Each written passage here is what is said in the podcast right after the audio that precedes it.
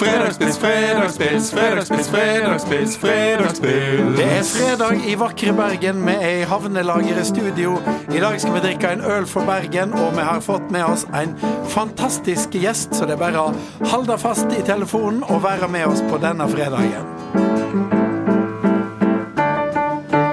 Fredagspils, fredagspils, fredagspils, fredagspils, fredagspils. Med tre Hjertnes, Hjertnes.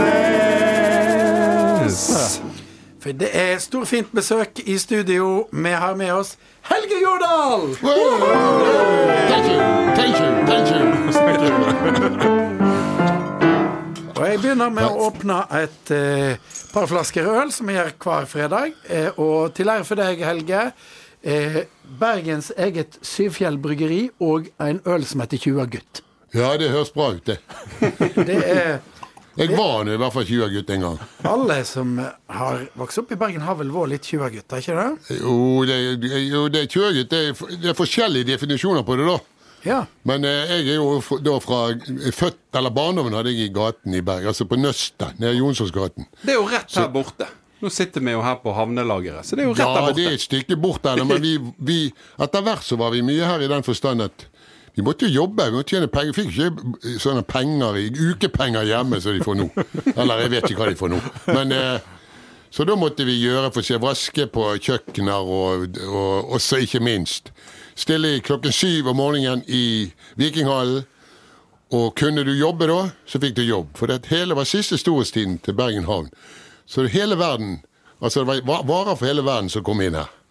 Og her, utenfor her, her da, kom det de, store, de største båtene. For det, det var jo før lasterevolusjonen og datarevolusjonen. Så det båtene, når de hadde stor last, så de, lå de mye dypere i havet. Og inne i Vågen ikke det så veldig dypt. Her gikk de store båtene. Så her har jeg lastet Nei, losset eh, eh, graffiti fra Portugal, eh, appelsiner ifra Nei, appelsiner, det var der inne. Eh, eh, sånn her eh, Whisky fra Skottland. Oi. Dåsen, en hel, en hel båt med dåsen. Skjønner du? Ja, var, ikke det, var ikke det et eller annet som skjedde der eh, med den whiskyen? Jo, da, det, jeg, vi var jo grønne i forhold til det arbeidet. Det var veldig mange, eh, veldig mange som hadde vært i krigen som vi jobbet med da. Så var, så var Noen av de var krigsskadet, det skjønte vi jo etter hvert. Eh, I hvert fall, Vi fikk jobb på de der båtene, og så var, fikk jeg med, med en, en gjeng der. Så en hel whiskybåt, og vi holdt på hele dagen. Eh, Svære båter. vet du, Opp med luk, luken, og så var det første pall opp, og så var det fyllepall, og så var det opp med, med kranen, og så inn på, eh, på kaien, og så var det få han inn på skuret. I hvert fall. Eh, Vi holdt på hele dagen, som sagt, og vi var kommet til jeg tror det var tredje siste hivet, som de sier. Altså tredje siste gang du, du tømte båten for, for whiskykartonger. Hva, hva slags kartonger den gang. Så var tredje hiver ferdig, så tok, tok han som kjørte kranet opp, og så idet han skulle svinge det inn og over på, inn på kaien, så senket han det lite grann, sånn at det traff eh, den der eh, kanten på, på luken. Og så slapp han det rett ned. Og det var så elegant gjort at det var ikke en flaske som ble knust. Men, men alle kartongene gikk i stykker. Så flaskene røllet utover gulvet nede i, i, i, i lasterommet. Så sa han ved siden av meg Ta to sånn! Ta to! Og så var det å hente Ta to stykker, og så var det ut i skottet på siden, og så var det gjemme de i steder, og så kom eh, eh, styrmannen og Hei, stopp, hva er det som skjer her? Nei, faen, det er forferdelig. Det var noe feil med denne her. Og masse styr. Og så tømte vi resten av båten, og så var det å lure den ene inn, eh, løpe de inn under der jakken eller det du hadde på deg, og så kom inn, og så delte du Så ga du den andre han på kaien. Og så ga de fikk så så alle skulle i hvert fall få smake på whiskyen som jeg hadde holdt på en hel dag å jobbe med. Så det var på en måte rettferdig. Selv om det var, selv om det var ja, det fortjener en skål. Det, Så ja, takk. Det syns jeg òg. det, er, Skål. det er jo klart, det å være med og losse whiskybåt, det må vel være Det må jo være Ja, Det var sukker i buksa, det var sukker i buksa, det var su-su-su-sukker i buksa. Ja, her eh, har vi da altså Syv fjell, og eh, den er en Amber. som eh, Ja, er jeg jo er da ikke så, en jeg er ikke så bevandret i øl, og øl er liksom øl for meg, da, men det er jo, nå er det blitt så mye forskjellig sort. Du kjenner jo, det var jo veldig godt dette her. ja, Da. ja da, dette er eh, Her står det jo Ja vent, 20 gutter, da, dere skal nok få på, bare den, det, på den bare ende. Å ja. Står det her som et sitat. ja. Det var en kultivert måte å si det på, da. Ja, og det 20-gutt er jo da en amber med et markert humlepreg og kraftig maltbase for balanse. Ah, såpass. Ufiltrert og passer godt 6-8 grader. Egner seg er godt til pizza, burger, grillmat. Ja. Og bare som forsi- For, forfriskning. Eller i Det studio. er godt, akkurat det. Det er godt som Ja. forfriskninger, for å si det rett ut. Ja, det- Men, det, men det, jeg syns jo det, apropos den båten med whisky og de der, En del av de Det preg... Eller det var veldig mange fulle menn når jeg vokste opp på kaien. Altså, jeg bodde som sagt på Nøstet. Og jeg, jeg liker, jeg, liker, jeg syns det er viktig å si det der høyt. Altså, det var veldig mange som var kommet hjem fra krigen. Og mange av dem ble fryktelig dårlig behandlet, i den forstand at det var ikke altså, psykologer og alt altså de, de må dere bli ferdig med denne krigen, sa de. Så hadde de blitt gått i konvoier, og noen hadde gått med bensin fra Ja. Amerika til England. sant? Churchill, eller en av ministrene der borte, sa jo at hvis det ikke hadde vært for de norske sjøfolkene, så hadde de aldri vunnet The Battle of Britain, som de sa. Så, og det var 4000 ofret livet i den krigen. Det har vi også glemt. 4000. Det var noen på skauen som mistet livet. Det sto det veldig mye om i avisene. Det var få i forhold.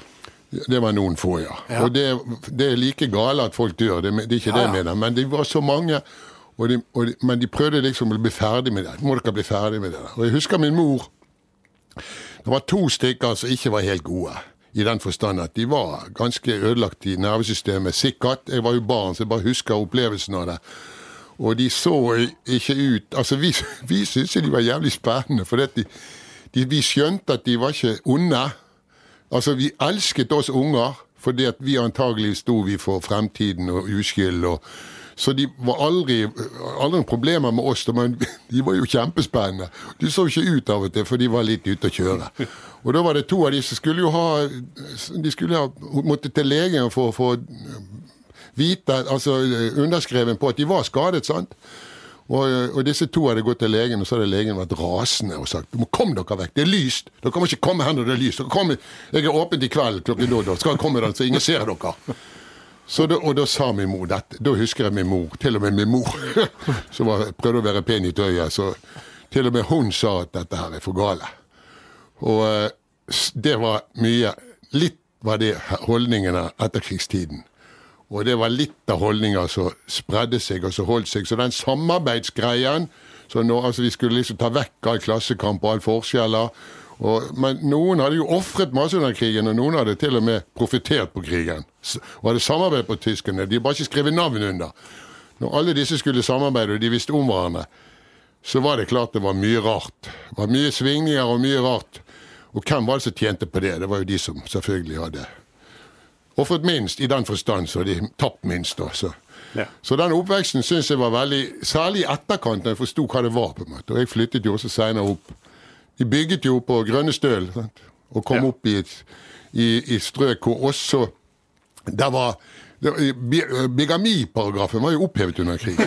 Så ja, det var jo Ja, da. Sjøfolk kom hjem fra de som hadde reist i konvoier og sånn, og så plutselig så hadde de funnet seg en jente i England. Og hvordan noe egentlig forholdet var opprinnelig. Så kom de hjem med en engelsk jente. Sant? Plutselig så hadde de en ny kone, eller de hadde i hvert fall en kone. Og så jeg husker så vidt eh, barndommen da vi gikk på første og andre klasse. 'Roald, du måtte komme hjem!' Så var i- Ja, Konene var da engelske. ja, de var engelske jenter, og de bodde i sånne brakker som bodde altså Skolen hadde jo vært lasarett. Minde skole, eller Grønnestøl heter den først. Det var jo lasarett under krigen. Tysk lasarett. Så der sto sånne brakker igjen, og de var jo, var jo veldig bolignød. Så der var det mange som flyttet inn. Så det var en veldig sammensatt oppvekst, og egentlig veldig I etterkant var det ganske spennende. Vi trodde at sånn var verden. sant? Og så var det mye musikk. Og eh, sant, det var sånn her regle og rim. Ja. Og så, eh, og så eh, Ja, du har jo noen ganske gode regler der, ikke sant? Ja, altså nedpå i, i, i på Altså, Bergen kom Altså alt som kom inn fra havet, og sånt.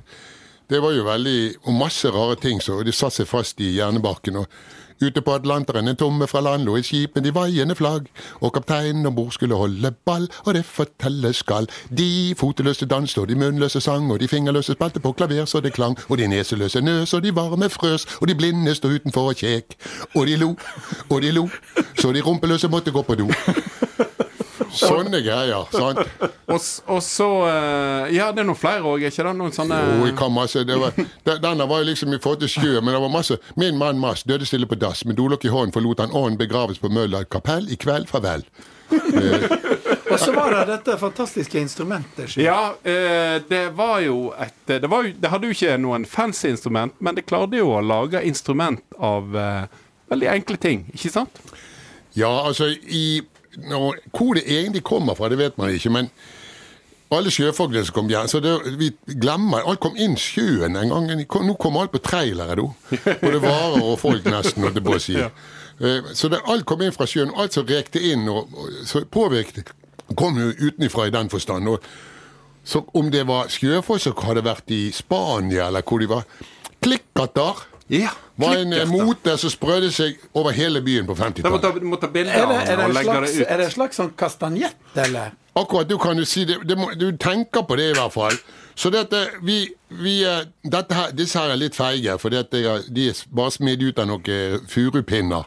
Men vi gikk altså til Sørensen, tobak, toba- tobakksforhandler Sørensen på Torvamenningen. sant? Og, og så tagg vi. Du, har de sånne eh, sigarkasser som ikke du bruker lenger, som er tø- tømt? Så fikk vi tigget oss til sånne, sånne sigarkasser, og de skar vi opp, fordi de var fin fin- finer. Limt sammen, sant? Så når du skar de opp sånn, og brente de i enden, så smalt de så bare det, altså. Så alle Du hørte smalt overalt, og kjerringa så rådte kan holde opp den smellingen! Hold opp den smellingen! Sånn? Så det var jo sånn overalt i 50-tallet. Jeg, jeg tror til og med at at i Var det 54? Eh, jeg tror det var første gang de spilte Folk og røvere i Kardemommeby. Jeg tror det til og med første gang jeg var i teater i hele mitt liv. Det var en sånn, sånn filletante som eh, dro med oss unger fordi hun var så glad i teater. Hun ville, tok med seg unger for å gå på teater. Og der, i pausen der så var det altså finale i Klikkertmesterskapet i Bergen. Det sto fire stykker og klikket som bare det.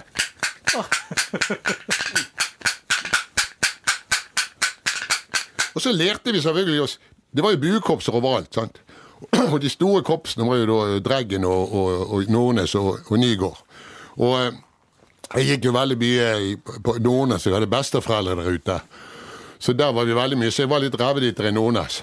Og, og, og Nygaard de hørte vi der oppe. Nygaard husker jeg akkurat nå, da. Altså, og da lager vi sånne regler. Anna har en deilig rumpe, bom, faderi, faderullandeig. Den kan både le og prompe, bom, faderi, faderullandeig. Smør han inn med vaselin, så går han som en symaskin. Anna har en deilig rumpe, bom, faderi, faderullandeig. Du, også, Litt av et instrument. du kan spille ute på Atlanteren. Den regla du tok, den går òg med klikkerter, ikke sant? Jo, med litt avansement så går det kanskje det, ja. Ute på Atlanteren, tomme fra land, og en skip med de vaiende flagg. Kapteinen om bord skulle holde ball, og det forteller skal. De fotløse danser, og de munnløse sang, og de fingerløse spratt på klaverstol sang. Og de nesene seg løs, og de varme frø, og de blinde støt for et kjekk. Det og de lo,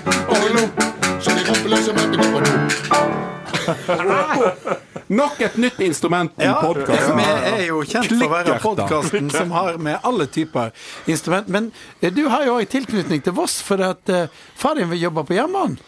Ja, det, det er jo historien videre, er egentlig, fordi at min far var sjømann. Eh, Ble sjømann, altså det var i Bergen i 20, selvfølgelig 30-tallet, når han var ung mann. Så var det ut og li, Veldig stor arbeidsledighet. så alle ungdommene som vokste opp, de, var, de sloss når ikke de hadde noe å gjøre eller tjente penger. Så var de ute og selge aviser. Og den kulturen var ganske vittig, for det er også sånn som man har glemt. Fordi Da var det om å gjøre å lære seg regler, sånn at du fikk folk til å le og kjøpe avis av deg. Så da husker jeg han sa, lærte meg Eller han husker han sa Bergens Tidende gikk han, eh, solgte han f.eks. Bergens Tidende er allvidende på alle de 48 sidene. De var veldig avansert den gang. Men Morgenavisen Morgenavisen kjøper i dag en bossmann har gjort underslag. En enkemann på Laksevåg har rømt ifra sin kone. og så lo folk, og så kjøpte de hos deg. sant? Og så, men så havna du til på Voss, da? Nei, så, så eh, Eller du var fikk han jobb. På, nei, så reiste han ut på en seildamper. Og så ekspanderte NSB, og da hadde han lært seg etter hvert eh, alt med trøkk og kjeler og fyring sant, med, med damp. Så da folk som kunne det, de kom inn på jernbaneskolen hvis du ville. Og da gikk han to år på jernbaneskolen, så var det ut, og så begynte han å kjøre tog. Og da fikk så- du sitte på til Voss. og så, ja, og så, så Ja, etter hvert. Eh, i, I hvert fall så masse kollegaer som jeg fikk etter hvert. Og det var jo veldig mange fra Voss, Bulken og Evanger som, som, var, som var jobbet på jernbanen. Og det var veldig sånn samhold. NSB var jo Når du kom opp i 60-tallet, så var jo NSB kanskje en av verdens mest ansette eh, jernbaner i, i verden. De, de, tyskerne sendte materiell opp her, og de sa at kunne det gå på Bengstbanen, så kunne det gå overalt i verden. Liksom og, det var, og det var rent, og det var engelskmennene var også helt sjokka hvor fint og rent det var. sant? Og da, og da ble det veldig sånn samhold. Og, så det må ha vært et veldig fint miljø der. Det var jo liksom De var, hadde uniformer, var pene i tøy, jenter snudde seg. Ja, det var skikkelig jobb, da. Og, og Vossingen, da, så de ble en slags sånn stor eh, kontaktflate. Og min far fikk masse venner. Eh, Vossinger, og til og med De bygget jo der nede oppe på Grønnestøl, ned mot sol, eh, grøn, denne marken der. Og der eh, Naboen der, han var en vossing, Berge. Og, eh, og han, han og de, flere av disse andre kollegaene, de, de lærte Min far var, var jo gategutt, og de hadde ikke så mye sånn kunnskap, da.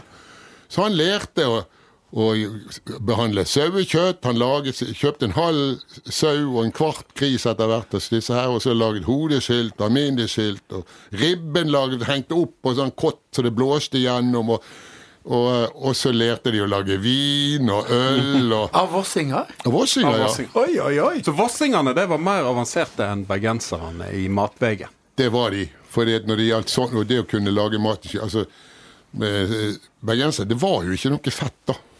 Vi har glemt det. Det var ganske Det var ikke så store variasjoner, for å si det sånn. da. Mens på Voss så var det smør, og det var griser, og det var sauer. Akkurat. De hadde gode ting. Men, men det jeg lurer litt på, eh, eh, da med far på hjemmebanen, og det var så stas, hva som gjorde at du havna i teateret? Nei, si det. Nei, det var det jo det, altså. Denne, det, er jo, det er jo for så vidt en søt historie i den forstand. På denne skolen, på barneskolen, på min, altså Grønnestøl der som vi begynte, der eh, Minde skole ble den heten etter hvert. Da var det en, senere en kollega eh, eh, som het eh, Erna, Elna Kimmestad. Hun var skuespiller på Nasjonal Scene og var litt sånn litt spesiell og frodig og artig skuespillerinne. Og hun, hvordan det begynte, vet jeg ikke. Hun, hun begynte å sette opp eventyrspill på skoler. Så jeg ble med i fjerde klasse og spilte hoffmannskalk i Ingrid Lønnebotn var den onde feen. Og, og jeg spilte hoffmannskalken der, ja. Og, og det var den der Hun med, hun med nå, hun er Tone Rose. Ja.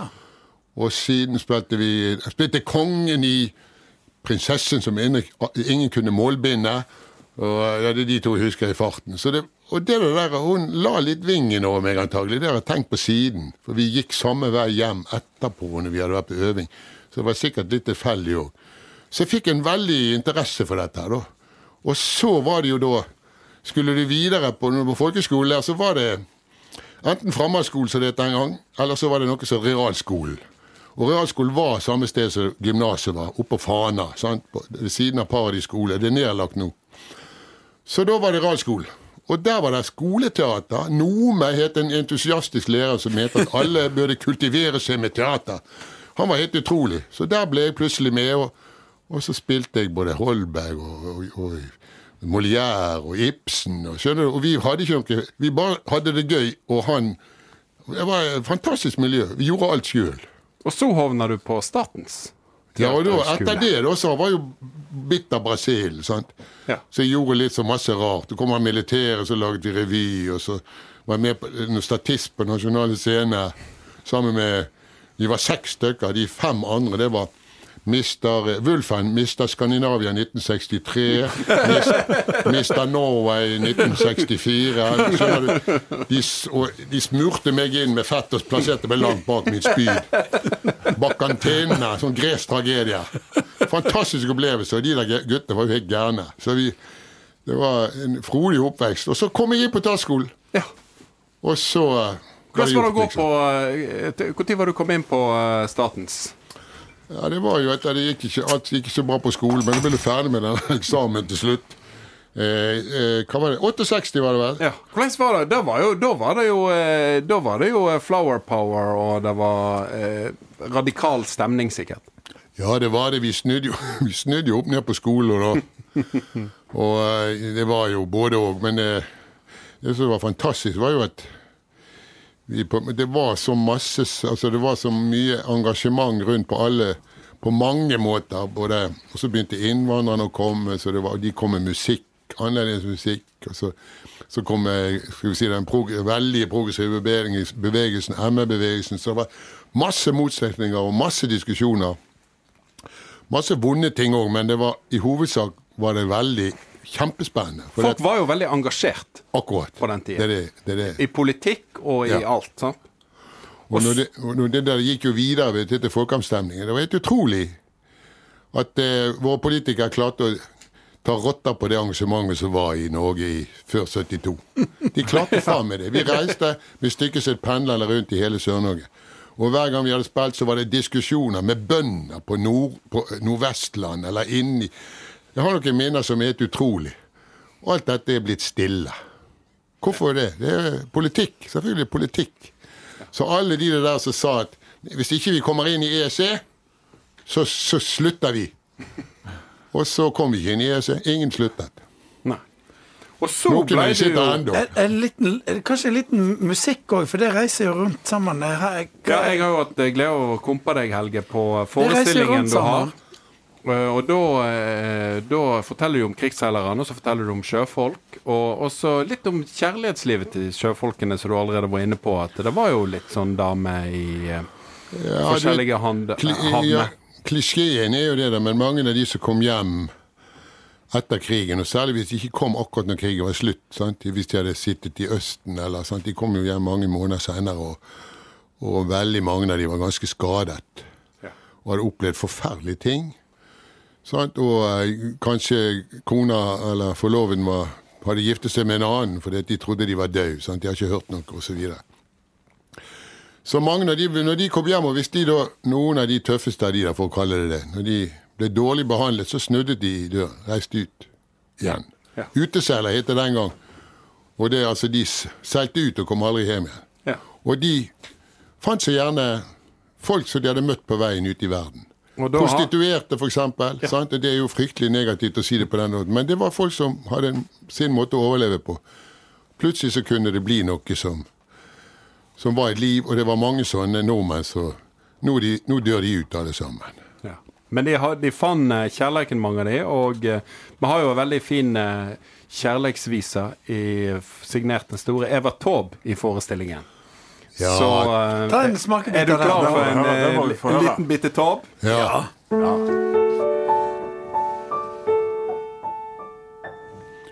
Så skimrande var aldrig havet og stranden aldrig så befriande.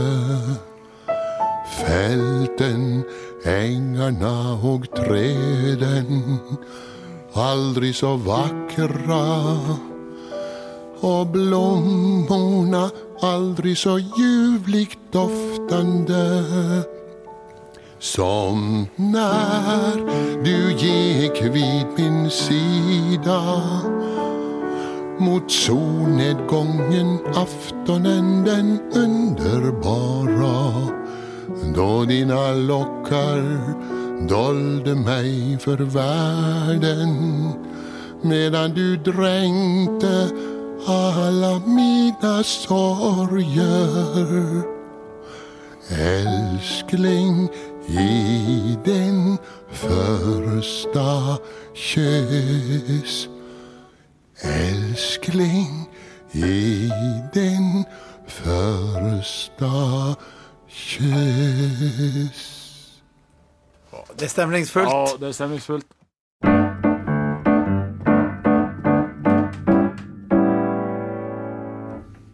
Til Voss, Hvor skal du hen? til Voss, Ei nyresvenn. til Voss, Ta deg en tur. til Voss. Ja, hei, det er Ove. Hallo, Ove. Det er tre ganger Hjeltnes som ringer til deg. Hei sann. Hei sann. Eh, vår gode sponsor. Du, vi fikk jo høre litt om hvor fint det er på Nyre, og som jeg så vidt sa til deg, så bodde jo faktisk besto vår på Nyre. Fantastisk. Eh, ja, ikke sant? Så vi har jo vært der eh, masse. Og eh, ja, kan du anbefale andre bestemødre å eh, relocate til Nyre? Ja, absolutt. Jeg har jo nesten lurer jo på hva, hva skjedde, hvorfor ikke det der lenger. Men eh, her er plass til mange bestemødre. Ja, hun bodde i et lite rødt hus rett nedenfor der du bygger disse flotte husvære som folk nå kan eh, rett og slett flytte inn i, hvis de går inn på flyttatilvoss.no. Mm. Og så var det òg sånn at eh, det var jo mange Det var et par som heite Nyre, som var naboene hennes. Så hun bodde på ene sida, så bodde det en som heter Halle Nyre. Og på hi sida av huset så bodde det ei som heter Inga Nyre. Og det er jo for, eh, litt morsomt for alle som ikke er fra Voss, men for oss var det helt naturlig at Ja. noen heter Hallenyre og Inga Nyre. Ja, ja det vil jeg tro. Og, der skal du òg nå da eh, fylle opp noe som heter Villa Vosso, og så kommer det jo snart neste prosjekt, og det heter Vossotunet. For at hvis du sitter på Nyre, eh, Ove, i disse flotte husværene du lager, så ser du jo ned på sjølve perla blant norske elver som heter Vosso. Jeg er helt enig. Det er et, eh, ei elv som fortjener navn på mange av våre prosjekter inn i framtida. Så nå eh, starter vi med de, både Villa Vosso og Vossotunet. Og dette, dette er husvære som er bygd i kvalitet. Det er minst fire vegger, eller iallfall på utsida, og så er det inni så er det det, det siste innenfor Da er det, og er du heldig så får du både gulv og tak. Nei da, jeg tuller.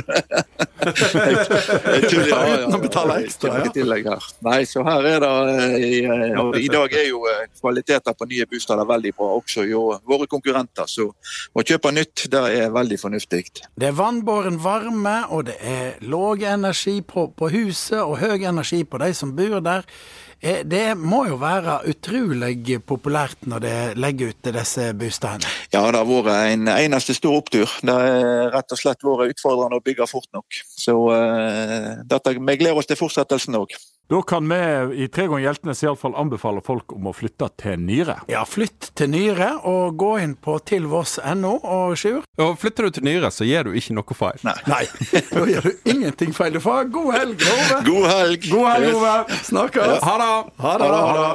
Til Voss, Hvor skal du hen? til Voss, Ei nyresvenn. til Voss, Ta deg en tur. til Voss.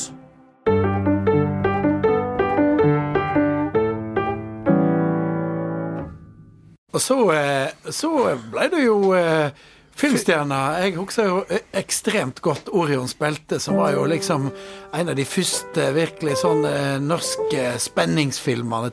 Thrillerfilmer som var liksom på høgde med Alistair MacLean. Du ble litt filmstjerne da, Helge? Ble ikke du det? Jo da, du kan godt si det. Men det er litt sånn i, det var også sånn nybrotts i den forstand at det var, norsk film hadde hatt veldig opptur gjennom eh, 70-tallet. Og det var veldig mye rart som ble laget.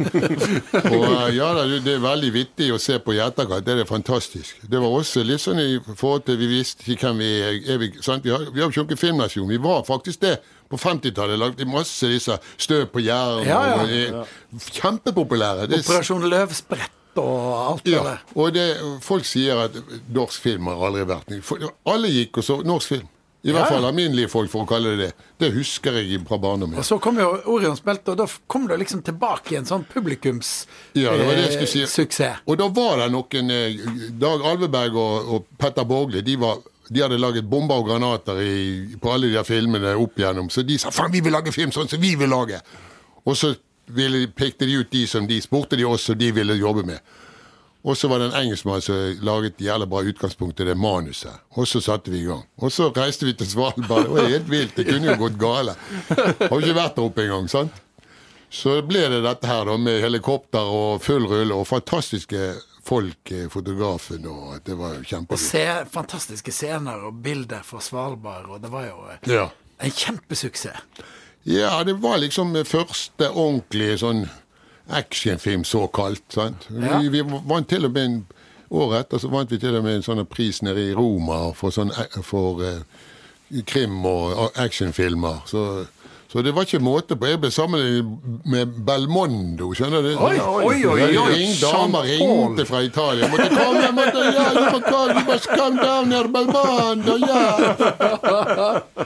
Men, men mange òg mange òg, eh, forbinder jo deg med Jeppe, naturligvis. Hvor mange ganger har du spilt Jeppe, tror du? Nei, det vet jeg ikke. Vi, vi, bygget, vi spilte jo det på Nasjonale Scene en jeg tror det var 66 ganger først. Og så ville vi Vi ville lage folketeater i Bergen igjen, så vi prøvde å ta opp igjen tradisjonen fra Komediateatret som hadde vært borte der med ja, bortenfor der som fotballpuben er nå, nede i kjelleren der, og plass til 100 stykker. Der var det jo skikkelig folketeater. Det kom jo alle som skulle på feltet på fisk, eller kom ned der. Det luktet jo sildeslurv der nede. Og der det sies at det var ordentlig folketeater. Av og til fredag-lørdag der så kunne det være så var alle fulle, både de på scenen og de i salen. Jappe skulle De skulle gjennomføre dette, og det var visst full fest. Ja, nå tar jeg godt i, men altså Den tradisjonen vi tok opp igjen. Så vi tok, begynte med Jeppe igjen, da, vet du. Og så Og vi spilte og spilte og spilte. Fullt ut på Riks. Og vi hadde jo over 100 belegg, og det var ikke klokt, altså. Men det ble så mye tull, så Rasmussen forsvant ut til venstre, så det gikk i stykker sammen. Men eh, det var en fantastisk eh, tid. Og så Jeg spilte det inn i Rosendal, og det var sterkt å spille der som leilendinger har stått Det holdt i muren der, og så spilte fikk jeg helt kick plutselig. Her har de faen meg stått en gang. Sant? Det var jo baroniet, sant? Ja, det var, Ja, ja, ja. Så du, det var jo rundt der er jo disse leilendinggårdene, eller hva du Ja, heter ja, der inne. husmannsplasser og Ja, husmannsplasser heter det kanskje, ja. Så, Ja. så det var, og det var ja, masse fantastiske opplevelser med det. Og så er det et vakkert stykke. Men det, Folk tror det er så lett, men det er veldig vanskelig. For Jeppe han har ikke gått på skole. Sant? De tror at Jeppe er en av oss. Det er han ikke. Nå skal vi snart ringe mor vår, Ja. for hun skal skal ja. snakke om Ja. eh, Holberg. Og Holberg er jo oh. Ikke sant? For at eh, Holberg han var jo faktisk på Voss. Ja, vi skal ringe til hun mor. Er du klar? Ja. Mamma Og hun har eh, Jeg skal spille et bitte lite musikksnutt til, Ja, hallo. som jeg veit hun liker. Halloen, her skal du få en liten snutt, mor.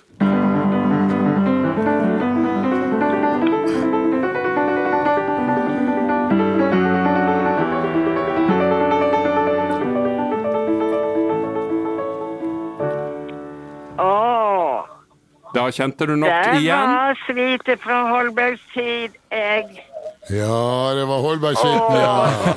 Vi har med oss Helge Jordal. Vi har Helge i studio her sammen med oss, og vi har, nå har han fortalt litt om, om Jeppe, og vi er jo glad i alt som kan knyttes til Voss, og deriblant eh, selveste Holberg.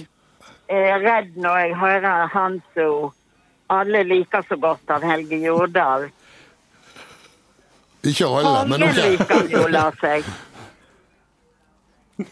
Du, du, du vet om Du er, kjenner litt til Holberg, altså, sant? Holberg er jo liksom fundamentet for norsk teater. Det var, norsk teater begynte jo med han. Første gang spilte de Holberg. Han lekte i gatene der. De, men vi har ikke vært flink Bergen har ikke vært flink å ta vare på han. Og denne Vosse-tiden, den vet jeg omtrent ingenting om. Og det, hør, har, det sier dine sønner at det vet du litt om. Iallfall ikke for mye om litteraturen, for han var vel ikke begynt å Han var jo relativt ung. Han var jo bare et år. Men han Ja. er jo allikevel Folk er jo veldig krye, har iallfall vært veldig krye for at Holberg har bodd her. Og, og det var vel litt tilfeldig. Ja. Jeg tror han hadde slektninger i presteskapet. Jeg tror det var ei prestefrue. Så um, han hadde vært i en begravelse. Han kom iallfall opp her. Men var ikke han Jo skolelærer òg der inne en Han skulle da? barn, og så skulle han omvende bønder. Ja da. Og våtingene kryer man. Og vi har særlig to plasser. Ja. Det er det som heter Holbergsplassen. Eh, der sto den store prestegarden der han bodde i et hus, et rett hus som vi kal kalte for Holberghuset. det gikk. Det gikk ja, i bombinge i 1940. Hele den store prestegarden. Så vi hadde et eh, Vi hadde. Holbergsplassen, som nå folk tror er en par parkeringsplass. Og det er det jo. Det er en, bu- det er, det er en Ja, da, buss-Holbergsplass det er jo det. Det er Ja Østre vel. Park hotell, men altså Holbergplassen etter han. Og så er det Holberg Påro. Og denne plassen ligger da midt i Smørauga, rett overfor kirka. Og det var en stor festplass. Og, og til og med før min tid så hadde de f.eks. 17. mai-talene. De var i fram, framanfor Holberghuset. Et rødt, stort toetasjes hus. Og så var det mange andre hus på prestegarden, for den var stor. Han var så stor at det var sju husmannsseter på prestegården på Voss. Ja. Og der var han i dette året. Og så kom Ja. det da opp eh, at den fåro, som eh, Furuen, som det heter på bokmål, den som ja. sto der, Ja, ja. den var det han som hadde planta, trodde de. Ei helt spesiell fora som hadde en tjukk stamme, ikke noe særlig greiner Ja. der, men hadde da en vid krone omtrent som en oppslått paraply. Og, og der var det en, eh, der var det en eh, åttekanta gjerde rundt, og der var det benker. Og, og der var virkelig en samlingsplass og veldig fint. Og der var offisielt han som hadde planta. Men så fant det jo ut at de måtte um, hogge, og det var sånn som de ofte finner. Det var sikkert ikke nødvendig, men der finner de alltid ut. Og så hogg de jo, og før de hogg, så var det naturligvis en fellediskusjon, sånn som det alltid er på Voss. Riende Vossabryllup-monumentet og Sivle og det hele. Og hva skal vi gjøre? Ja, så var de enige om at det skulle hogges. Men eh, hva skal vi gjøre med veden? Ja, da kom det mange forslag. For eksempel å lage to store kobberstoler til å ha i kirka. eh, Til brurastoler. Eller inngangsparti til Mølster, til Folkemuseet. Men, men eh, det som det enda opp med, det var at eh, denne veden var kjørt til, til mønster til Folkemuseet. Og han ligger iallfall noe av han igjen i løa der. Og to, men litt oh, ja. grann av han, to sånne ringer var sendt til Bergen museum. To skiver ifra den der. Så da er eh, Men Ja så fant de jo ut De begynte jo å telle årringene. Og så fant de jo ut at det kunne ikke være han som hadde planta. For det, for treet var ikke år yngre enn han. Å ja. Det var ikke gammelt nok. Men den heter allikevel. Det er ikke allikevel. nå, nå i alle moderne suppedutter. Jeg sitter og ser på et bilde fra 1905. Så det står Holbergsplassen. Der ser jeg furua. Hun var spesiell. I min barndom så Ja. var det et vårt spillag som var ganske flinke. De var til og med til Oslo og spilte på Det Norske Teatret. Eh, Dette her er da Ja. veldig lenge siden, i antikken. Eh, Og da eh, var det, husker jeg i min barndom at de spilte Den stundesløse. Og jeg syns det var Ja. veldig morsomt. Ja, det er morsomt, det. Han, han stjal strukturen fra Den innbilt syke av Bollier. Det er fantastisk oppbygging. Ja. Jeg har spilt Studesløse Ja. hundre ganger. Ja, Men det er jo litt typisk, for det at også Bergen altså Nå snakket de, nå tog, la de ned Holbergstuen, og så snakker de om Holberg som det var liksom et navn ifra. Altså, Norsk teater står jo på det. altså Det begynte jo med Holberg, og Holberg lekte jo der. Barndommen var jo rett nedenfor der, nede rundt eh, i Vågsbuen. Og, og det der huset som han vokste opp i når de, de rev det dagen etter påsken i, i, på, på rundt 70, eller nei, det var 80-tallet. Da rev de det mens, sånn at ingen merket det. Så uh, Rolf Berntsen reddet det der gelenderet og så en sånn stein utenfor der. Så det er det eneste som er igjen av oppvekststedet hans. Ja, det er trist at de lander Holbergstuen. da. Jeg regner Ja, det- nå med at det ennå står veldig At han ennå står veldig sterkt i Bergen. Og han står, der må han nå gjøre, ellers er ikke det vettige. Akkurat. Det er kjekt at du sier, for de er ikke det i Bergen. Nei, de er ikke det.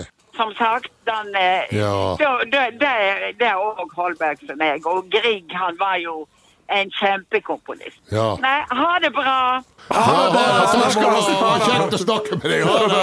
Det er, ikke alt, det er ikke alltid like lett å slippe til. For det, Nei, det var kjekt det der hun fortalte om eh, Holberg og Voss. Det visste jeg ikke. Denne, denne furuen visste jeg om. Nei, og den er jo ikke, var ikke planta men den heter Holbergfurua. Ja, Sånn er vi på Voss. Men han var der iallfall. Han var Ja, men han Da ikke seg var- litt igjen en gang. Men vi må lage oss et musikalsk avslutningsnummer. Jeg tror, vi må, jeg tror du må ha fram med klikkertene igjen, Helge. Oi, oi, oi. Og så har jo vi funnet fram en annen eh, låt fra forestillingen. Oh, ja. eh, så vi må ha litt klikkerter innimellom der, tror jeg. For det, kler jo, det er jo en klassiker fra Erik Bye Ja. som eh, vi skal ta nå. Og eh, den heter jo rett og slett eh, 'Gå til onkel'. Ikke sant? Ja. Og, og onkel her er jo pantelåneren, ikke sant? Som sjømann, sjømennene går med forskjellige ting fordi de er blakke. Ja. Og så må de ta seg en tur til onkel for Ja, å få uh, Når de kniper, eller de er blitt ranet, eller de har vært i land litt for uh, lenge, eller har fått litt for mye i seg, så, så kunne sånt skje, ja. Og da gikk de til onkel. Rett og slett. Ja. Så gå til onkel! Ja, det er vondt å være blakk nede i Baltimore, men det er ti ganger verre i Rohan. Og blir du akterutseilt ned i Singapore, da syns du sjømannslivet er en sørgesang. Oi, oi, oi, oi, sjømannslivet er en sørgesang. Da må du gå til onkel, snille onkel, bare gå til onkel med klokker og klær. Gå til onkel, snille onkel, bare kom til onkel på krokete knær. Oi, oi, oi, oi, der kan du stappe fela di og skjorta di og sjela di, men trå ikke onkel for nær. Nei, nei, trå ikke onkel for for litt, litt klikkete. Har du klikkerter der? Oh, ja, Vi må ha litt klikkete imellom. Ja, ja da.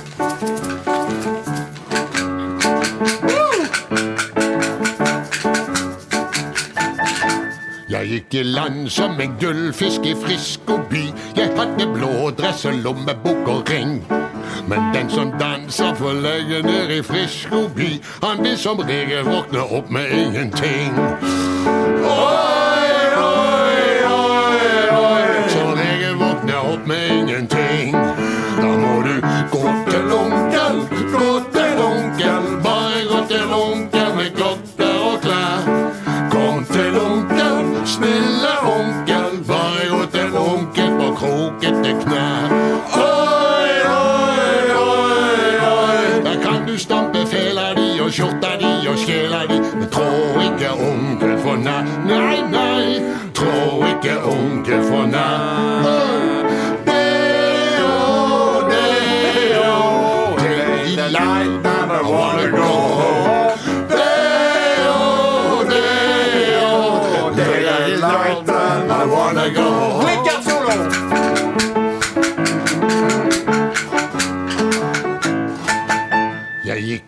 stampen med min strengeløse mandolin. Jeg gikk i stampen med min gamle busserød. Og så gikk jakken og slipset og yankee-hatten min, og her forleden der gikk tennene av gull. Oi, oi, oi, oi. Forleden der gikk tennene av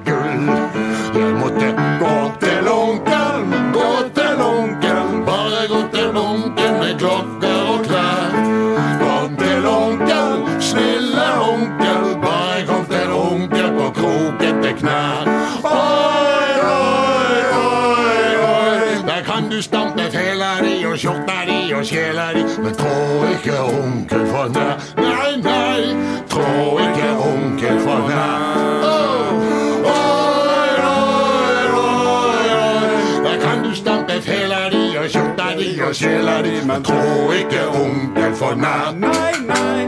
Trå ikke onkel for nær. Klikkert outro! Ja,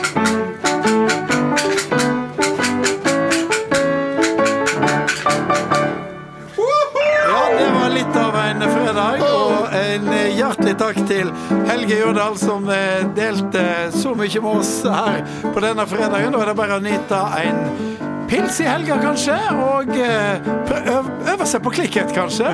Det var utrolig kjekt å få det eh, spilt her i studioet vårt. Vi er tilbake neste fredag. Du får kose deg så lenge. Takk til Daniel Birkeland, som styrte teknikken. God helg! Fredagspils, fredagspils, fredagspils, fredagspils, fredagspils. Litt klikker. Med tre ganger Hjertnes, Hjertnes, Hjertnes.